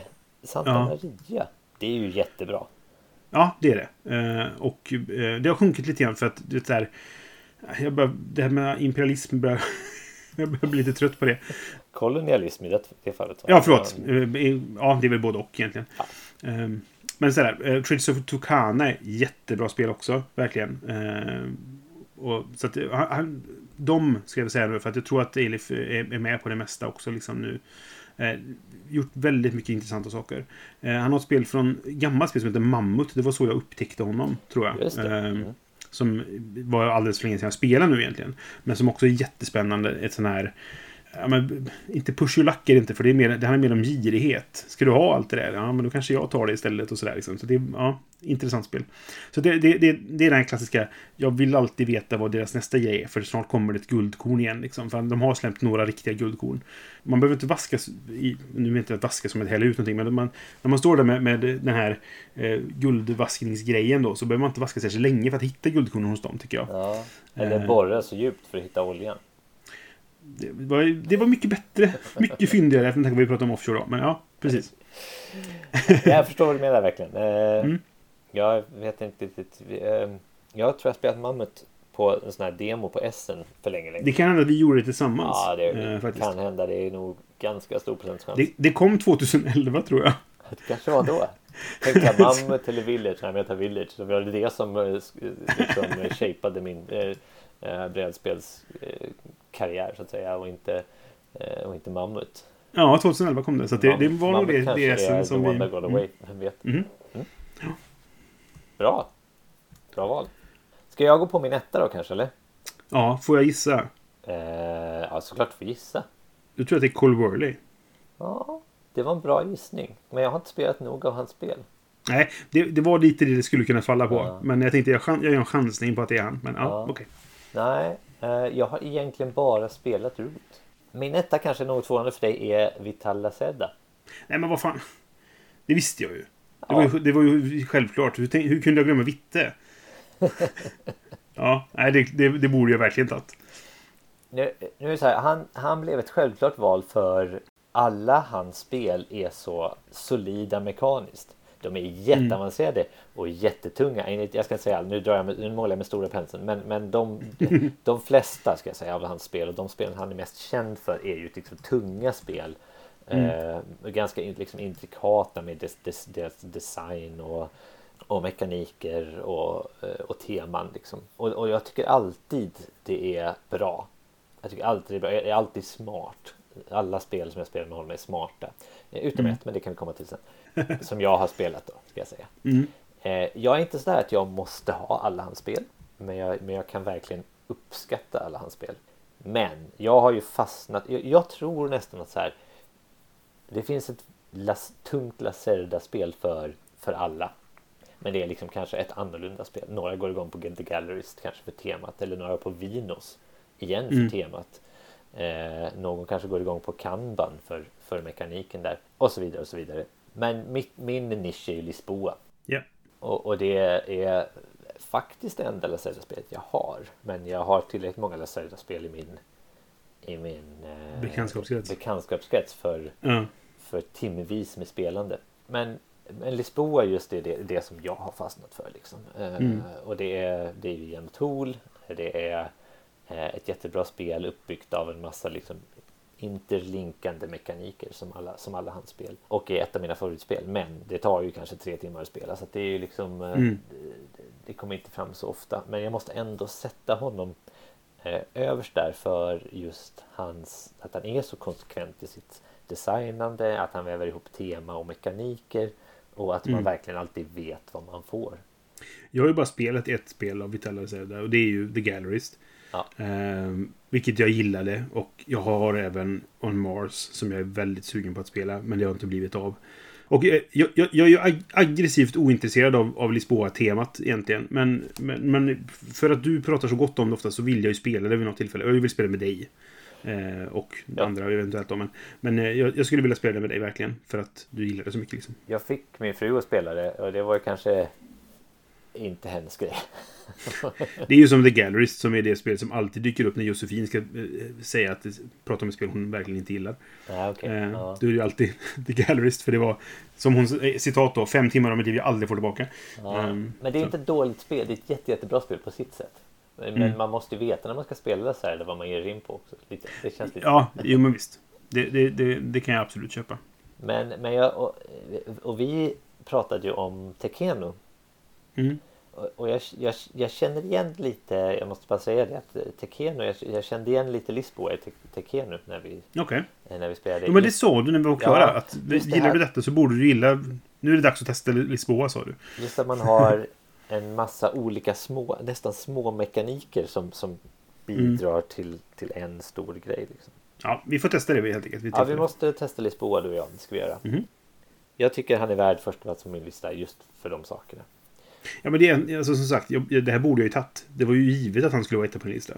Om han inte hade varit, varit med på de första fem, eller förlåt, Ja. om inte, han inte var med på de första fyra så skulle han ju dyka upp på första plats. Fast du visste ju, tog- du visste ju bara att jag gillade. Lisboa va? Jag har ju till exempel, jag har ju också Escape Plan ska jag säga, men jag tycker inte det är ett jätteroligt spel. Nej, men du har ju pratat dig varm om Kanban också. Så Ja. att, alltså, jag vet ju att du gillar hans spel och, och, alltså, och att du gillar eh, Lisboa så mycket att han skulle kunna ta ett första plats bara på det spelet. Liksom. Ja, ja nej, jag kanske flaggade det lite då. Nej, men du, alltså, jag, jag, jag känner mig dum som inte tog det. Liksom. Nej då. Det ska, jag, hade fullt, jag hade fullt förväntat mig att du skulle tro, eh, ty, eh, ha haft eh, Stegmaier som först. Jag trodde det jag hade också tills jag gjorde listan. Ja, jo, Stegmaier kändes verkligen given. Eh, mer, mer så än, än Vital faktiskt. Okej, okay, vilket tror du är min nummer ett nu då? Jag trodde ju att det var den här uh, West Kingdoms-killen som var din nummer ett. Ja, det skulle man kunna tro. Det skulle man ju kunna tro. Och vi har avhandlat, inte, inte Rosenberg, för Rosenberg är nästan värd en honorable mention. Um, men det är inte Ove. honom, för du tycker inte om, du tycker inte om Nej, det har just, jag har just förklarat mitt eviga hat för Ove Rosenberg. Det skulle kunna vara... Jag hatar inte Ove Rosenberg egentligen. Han är säkert jättefin. Det skulle ju kunna vara... um, Vad heter han? Chabosi? Uh, Lewis and Clark. eh. men jag tror inte du spelat så många av hans spel. Och vi har redan Nej, det var vi inne på förut. Att jag, jag har ju bara spelat typ två av hans spel. Och han har bara gjort två. Då tycker att man kan inte sätta upp någon på en lista som bara gjort två spel. Eller han har ju gjort fler. Men jag har bara spelat två av dem tror jag. Så nej, det är det inte. Du får en, en, en gissning till. Kan det vara Alexander Pfister? I'm a fistboy! Det är, Eh, det är Alexander Fister. Bra gissat. Eh, Efter lite så, eh, deduktion så kom du fram till att det skulle Ja, vara det, Fister. det tog ett litet eh, tag där. Ja. Ja. Nej men det, ja, han, det var nästan givet att han skulle vara första plats liksom på min lista. För att det, det finns ingen annan som jag... Varje gång han, jag ser att han gjort ett spel eller så här. nu- Så blir jag så här, åh, nu blir jag sugen på att testa det liksom. Jag har köpt flera spel nu som är lite äldre som han har gett ut. Bara för att de här ska jag testa någon gång när jag hinner. Ja, men så här, Expedition to New Deal är inte så gammalt, men det skaffade jag. Jag skaffade Isle of Sky och jag, skaff, jag har inte skaffat Broom Service än, men det, det tänker jag försöka få tag på liksom. Eh, och Port Royal har jag inte heller spelat. Så det, jag har liksom samlat på mig flera av hans sp- spel för att jag vill prova dem vid något tillfälle. För att han, jag har aldrig blivit besviken på ett av hans spel. Um, Mombasa har jag sålt. Eh, och det är för att då, när jag spelade, så gillade jag det verkligen. Men det var lite för... Um, jag ska inte säga att det var lite för tungt. För han, han har gjort andra spel som är ungefär samma tyngd på. Men, men det var li, lite för... Uh, temat är inte så intressant. Det är återigen kolonialismen som jag ty- är lite... Börjar tycka är lite trött tröttsam liksom sådär.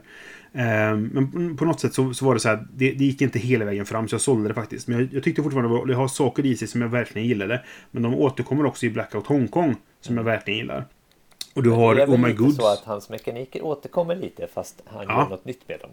Jo men precis. Och det känns ändå fräscht fast han gör det bra. Det, det, det, det här är ju någonting som mitt hatobjekt Ove nu då.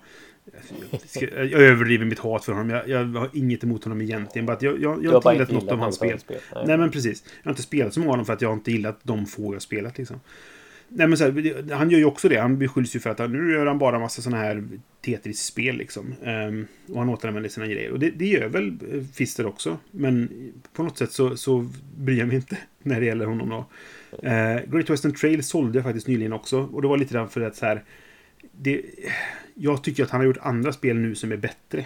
Så därför så fick det så här. Jag gjorde min topp 100-lista. Eftersom det hamnade utanför min topp 100 så tänkte jag att det behöver inte vara kvar i samlingen. Okej. Det dök Det ganska kommer ju- kraftigt. Det kommer ett nytt nu med eh, ett eh, färgglatt omslag. Som, Som jag kanske tänker köpa. uttråkad av att se, eh, Mm. se omslaget på det bara. Och jag kommer eventuellt köpa det. Bara för att det är finare nu. Ja. Så vi får se. Men i alla fall så här. Men, men jag gillar det. Maracaibo. Ja. Älskar det spelet. Mm. Jag tycker det är superbra verkligen sådär. Ja. Eh, och jag är nyfiken på Cloud Age nu då, som är hans senaste. Jag är återigen på väg nu då från... Eller det, det ligger hos, hos... Jag sambeställde från Tyskland med eh, en, en kompis här. Så att det ligger hemma hos honom, för vi har inte träffats för att det har varit pandemi. Ja. Eh, så jag ligger det här Monster Expedition som han, han har gjort också nu då. Okej. Mm. Ehm, som, så att jag, jag, ja, jag vet inte. Det, det är det här. Jag har aldrig blivit besviken på ett av hans spel. Vissa inte, har inte varit bra nog att fortfarande vara kvar så att säga i, då, i samlingen.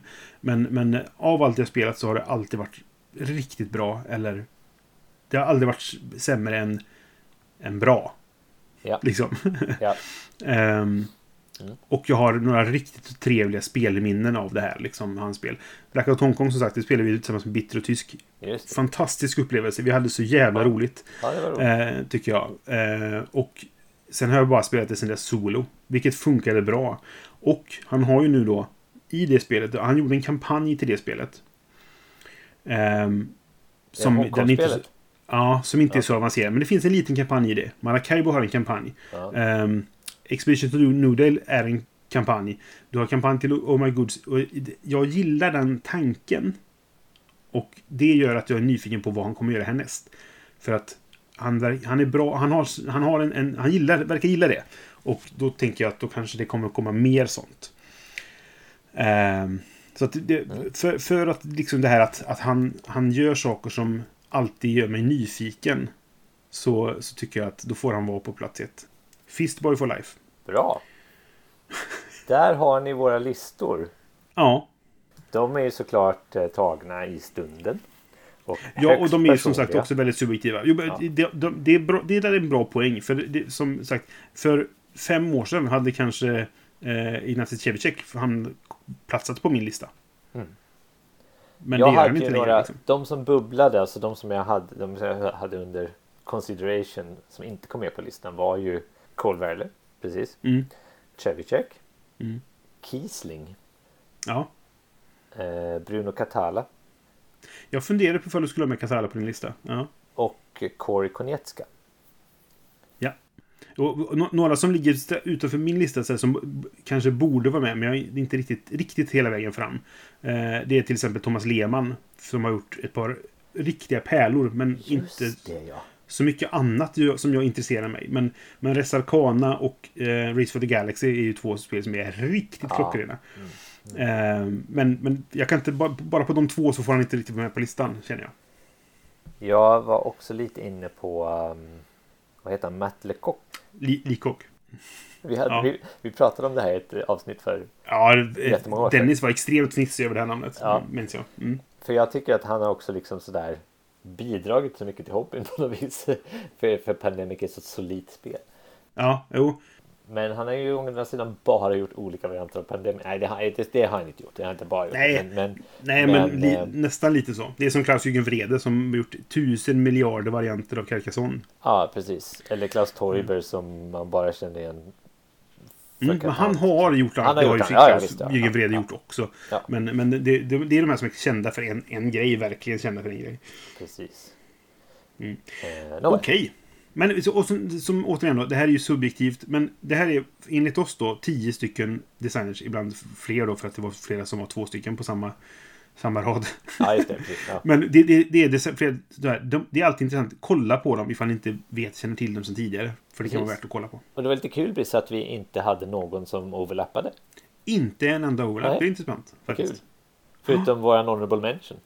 Ja, men precis. Ja, All ska vi gå in till vår nästa programpunkt? Ja, nu har vi pratat nog om det här. Trudelutt! Inte ett speltips-tipset är det dags för. Mm, Jag kan börja. Jag tänker tipsa om en podcast den här gången. Som jag tror vi nämnde. Jag kommer inte ihåg ifall vi nämnde det i avsnittet eller ifall vi nämnde det efteråt och du sa det här borde du tipsa om. Men i vilket fall, jag tipsar om podcasten Do Go On. Okej. Eh, som är tre stycken australiensiska komiker som gör en podcast som är, den är så lik egentligen, eh, fast de här var först då, eh, Death by Monsters. Okej. Ehm, att de är tre stycken som sitter och pratar om ett ämne och de andra skojar om det liksom. Så en, en pratar om ett ämne, eh, en gör en report som de säger då. Men, men eh, Do Go On handlar om vad som helst. Så de, de gör avsnitt helt enkelt där en person researchar någonting och sen berättar om det och sen gör de andra, avbryter dem och säger roliga saker liksom. Och de är väldigt roliga tycker jag. Och informativa. Det är edutainment. Eh, så. Eh, det som tyvärr får jag väl säga då, så är avsnitten lite långa. Om man, nu ska vi, ska vi, kastar vi sten i glashus här igen med våra Ja. två timmars avsnitt. Liksom. Men, men deras avsnitt, de, de tangerar ibland typ två och en halv timmes gränsen sådär för att de har lagt till med att i slutet på varje avsnitt så tackar de sina patrons genom att ge, eh, ge massa lekar och sånt och de svävar iväg Ja. på de här liksom. Och så blir det så här. ehm, men det, de är fortfarande roliga. Så det är fortfarande underhållande att lyssna på liksom.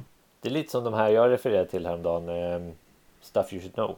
Ja, men precis. Eh, Fast de är inga komiker direkt. Men, eh, men det är Nej, men de är ändå lite, de skojar ju lite grann. Ja, Eh, så. Men, men de här, de, Do Go On är som roligast när de kommer iväg på ett sidospår. Ja. För det har ändå med saker att göra, men de bara, de bara riffar och kör, de skämtar liksom sådär. Ehm, och sen är det lite kul för man kan ju skicka in förslag då på ämnen man tycker de ska ta upp. Ja, okej. Och de, de har tagit upp två ämnen som jag har föreslagit. Eller jag har nämnts i, i podden nu. nu. Nu är jag en Patreon också så jag har nämnts av den anledningen så att säga. Ja. Men, men eh, de, de gjorde ett avsnitt, det som jag håller på att lyssna på nu, som handlar om Watergate-skandalen. Ah, Eh, för det var så här, jag vill veta mer om detta. Det skulle jag kunna göra genom att googla det. Men jag kan också lyssna på tre av mina favoritkomiker. när de pratar om det. Och sen så eh, bad jag dem eh, skicka in, för det var bara jag och, och en till som hade föreslagit, fast varsitt då. De, de här eh, Wells Fargo-rånen som jag Ja, ja, ja, av. Eh, Så det gjorde de ett avsnitt om också. Så, att, eh, eh, nej, så den, den kan jag rekommendera om, om, eh, om man om det är så att man har långa... Eh, Micke på Mindy till exempel. Han kör ju lastbil och behöver ha långa podcast att lyssna på hela tiden. Det är ett tips till dig Micke om du lyssnar. Eh, du go on. Kan jag rekommendera. går on. Nej, men jag kan tipsa, eh, det, den, det finns jättemånga avsnitt och de är ganska långa som sagt. Men, men eh, välj ut, cherrypicka liksom det som du är intresserad av, de ämnena. Det gjorde jag när jag började lyssna på dem. För då, då hade de redan typ så här 100 avsnitt utsläppta redan. Och sånt där, när jag började, eller hittade den. Och då, då satt jag på jobbet och lyssnade. Ehm, men då tog jag de avsnitt som jag var intresserad av i Ja. början. Liksom. Och sen har jag sen dess då har jag lyssnat på allt de har släppt när det kommit nytt då. Så vad är ditt inte ett speltips-tips? Jag hade ett inte ett speltips-tips som eh, jag var så här, ja men det här måste jag ju tipsa om. Men sen kom jag på att jag förmodligen redan gjort det. Så jag fick hitta på ett paniktips istället. Så nu Okej. kommer en till Home Appliance. Ja, Ja, och det är alltså en handdammsugare. Och då menar jag alltså inte, alltså jag, mitt tips är köp en handdammsugare. Och då är en handdammsugare en sån här stående handdammsugare som, som har, den står bara i ett hörn och laddas och så bara tar man av den och så kör man. mm. Så jäkla bra att ha om man har barn. Mhm. För att man slipper hålla på och rota fram den vanliga dammsugaren ur, eh, ur, ur liksom förrådet och eh, bära upp den eller ner den om man har trappor. Nu har jag en trappa. Mm, Och ja, men- eh, koppla in den i ett sladduttag som man kanske hade barnsäkrat i alla fall. Den här står i ett hörn liksom. Man lyfter av den och så rrr, kör man runt. Och så har den lite så här. Ja, det är säkert bara modern dammsugare som har lite så här LED-dioder så att den lyser upp dammet. Så man ser dammet mycket bättre. Ja, just det. Jag är så Ja. jävla nöjd med den alltså, måste jag säga. Och det, och det var ett tips jag fick av en annan eh, person som hade just blivit far. Han sa, ska jag ge dig ett tips? In, inför eh, stundande faderskap. Skaffa en sån här handdammsugare. och, och då gjorde jag det och han hade fan rätt. Kan jag säga. ja. Den har varit väldigt bra att ha. Jag kan skriva under på detta. Vi har också en sån. Som går att köra både på golvet och i soffan så att säga. Det går Ja, att ta loss en, en liten hand. Man kan ta loss den lilla handgrejen. Ja Mm. precis. Och så har den olika munstycken. Ja, perfekt. Alltså, jag Precis. har inte haft en sån innan. Varför har jag inte haft Nej. en sån innan? Och då tänker jag Det- på dig som lyssnar här nu. Har du inte en sån eller tänkt att du behöver en sån så är svaret du behöver en sån. Ja, Eh, den kommer ju inte ersätta din andra dammsugare för så kraftfull är den inte så att den liksom gör rent hela lägenheten på, med samma effektivitet. Nej. Men Och framförallt så, så räcker inte... Vår, eller i våra lägenheter, laddningen räcker inte till hela lägenheten. En, Nej, okej. Inte ens övervåningen räcker det till. Så att eh, vi, eh, det, det får... eh, Vi måste... Ska vi, ska vi städa ordentligt så får vi ta fram Jo. den riktiga Ja men så, så är det för mig också. Men den här tar jag hand om. Men för småstädande är den perfekt. Ja, det- man kan köra den varje dag i, i köket liksom, och så Mhm. ställer man bara tillbaka den i sitt lilla hörn så får den stå där och ladda. Liksom. Ja. Eh, eller som du säger, ta, ta ut den lilla grejen och köra i soffan. Ja, nej, det, eh, Bra varför tips. har jag inte haft en sån förut? Liksom? Ja. Det är nästan, Och- nästan skruvdragarnivå på den där. Den går ju också till exempel att ta upp till bilen om man vill dammsuga lite grann där. Om man varit ute och kört med sin knatte som Ja. gillar att, att söla ner och Ja. ha sig. Mm. Så kan man eh, ta upp den dit också, lite smidigt. Ja. Bra tips Johan. Vi går vidare till vår sista programpunkt.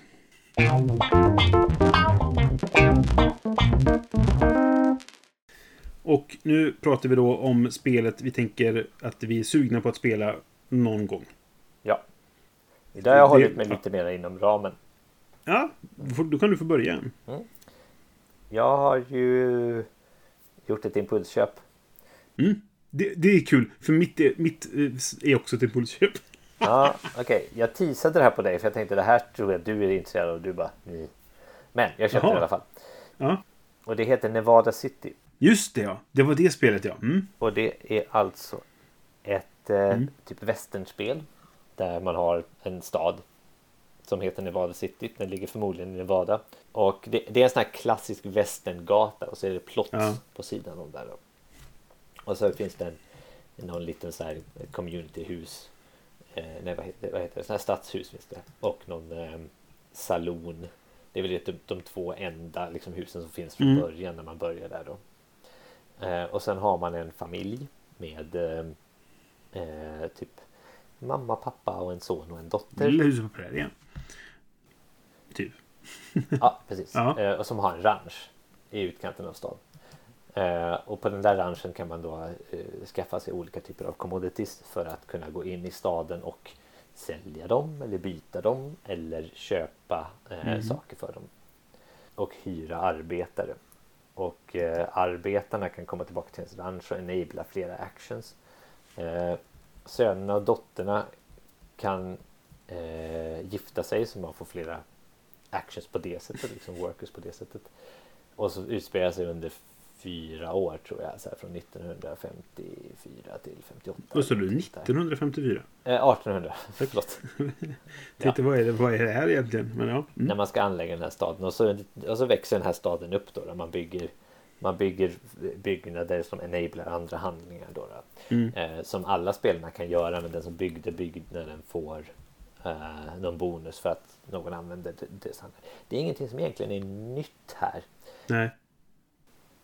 Men det- är liksom igen så här mekaniker som är ganska snajdigt ihopvävda till att eh, skapa ett tema som berättar en historia. Mm. Och det där går jag ju igång på. Liksom. Just det. Så jag vill gärna spela det här spelet. Eh, Man kan spela en så här hard- hardcore variant där alla workers som kommer till stan och inte blir inbjudna till att jobba på en ranch. De blir så här outlaws och kommer och så här shoot, sk- skjuter upp stan. Nej men kommer och ska Ja. råna saker och då måste den som är sheriff ta hand om dem. Så man kan liksom sätta dit varandra lite på det sättet. Liksom. Bara så här, ja, nu är det du som är sheriff den här rundan. Då ska jag kanske inte ta den där killen. För...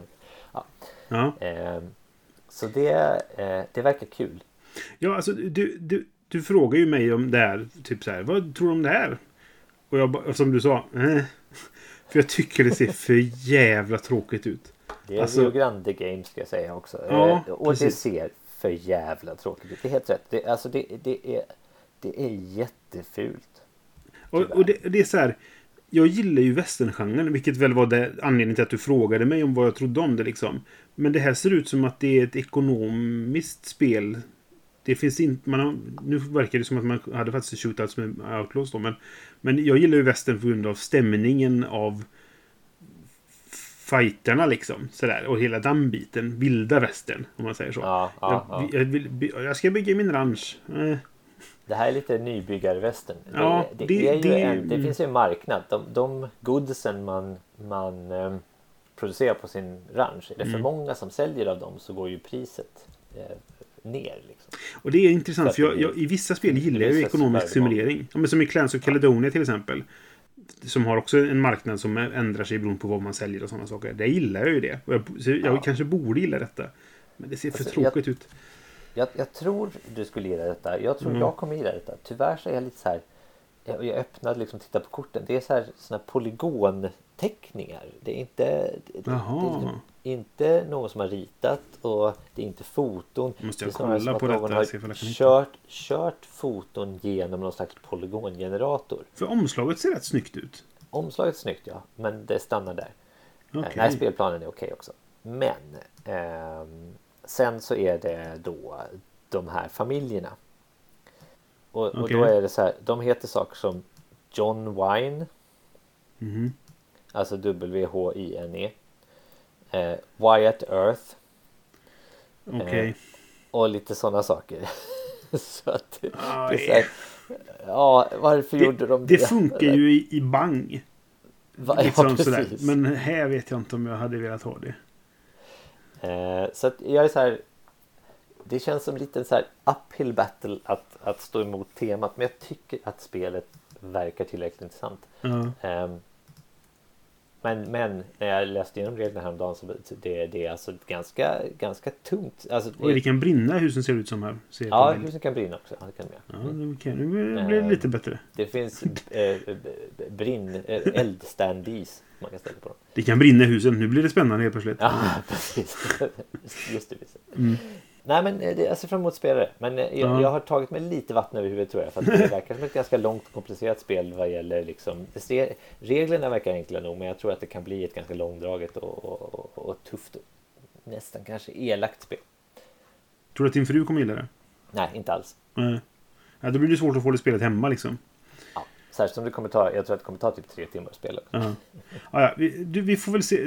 Du har elden övertygar mig om att du, vi kan testa det ifall vi får tillfälle.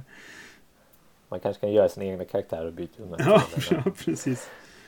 Ja. Okej.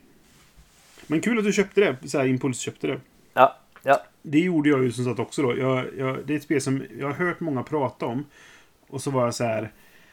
Ja, jag har ingen koppling till, till ehm, eh, tematiken. Alltså det är baserat på, på en, ett, en bok nu då. Slash film. Eh, och det, det är Dune Imperium. Så jag ska Mm. dansa runt gröten längre. Eh, Ah. för, Jag trodde du hade spelat det, men det hade du kanske inte gjort. Nej, jag har inte gjort det eh, än. Men jag, jag hade hört en del om Och så var jag, jag var i Trollhättan faktiskt och gick till eh, Alara Games, inte en sponsor. Men, ehm, och så stod det på disken. Precis bredvid kassan liksom. Jag bara, You're mocking me. Ja, ja, jag får väl, jag ska, får väl köpa det då. Eh, så jag köpte det faktiskt. Och eh, har även köpt nu boken och så ska jag läsa den. Det, det är väl ett sånt här hål i min, min eh, sci-fi cred liksom. Att jag inte läst Ja, Dune. samma här. Jag vill liksom inte spela ett Dune-spel utan att ha läst boken. Nej, jag kände också det. Så jag har börjat läsa boken nu. Men, men det, Okej. tyvärr så är det, jag har svårt Den är För jag, rätt stor. ja, och jag pendlar inget längre. Så jag, jag lä, har ingenstans Nej. att läsa liksom. Nej, Ehm, just det. Eller ingenstans att läsa. Jag kan väl läsa i mitt hem. Men, men det, jag, läsa istället för att spela in podcast. Nej, nej, det kan du inte. Förlåt, vad sa jag? Det var dumt. Nej, men precis. Så det, jag har kommit bara ett par kapitel in i boken än så länge. Men jag, jag började se filmen också. Den gamla filmen. Eh, den är ju inte bra. Ja, just det. Mm. Alls, faktiskt.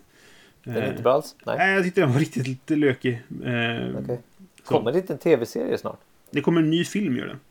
Ah, får Eh, och det är ju den som det här spelet är baserat på, typ. Ah. Det är väl baserat på boken, för filmen är baserad på boken. Men, men bilderna är ju så här. Det där är ju... eh, Vad heter han? Um, Aquaman. Uh, Khal Drogo. Jason Momoa. Ja, precis. Mm. Och det där är ju han... eh, jag kommer bara ihåg karaktären. Ja, men säg det då så kommer jag. Så... Fast nu kommer jag inte på det heller. Men han Nej, Nej, brottaren nej, som är med i, i Guardians of the Galaxy. Eh, ja, Dave ja, Bautista. Eh, Dave Batista. Ja, precis. Eh, så man, man ser ju vilka, så, här, det, så ja, hur som helst. Eh, och jag, jag, ska, jag tror att, att eh, Fredrik Tarberg lyssnar på oss. Eh, han har ju också startat en podcast nu som heter Brädspelare emellan. Jättetrevlig podcast. Och de pratar om det här spelet. Så det var lite, det är ditt fel lite grann Fredrik att jag köpte det här.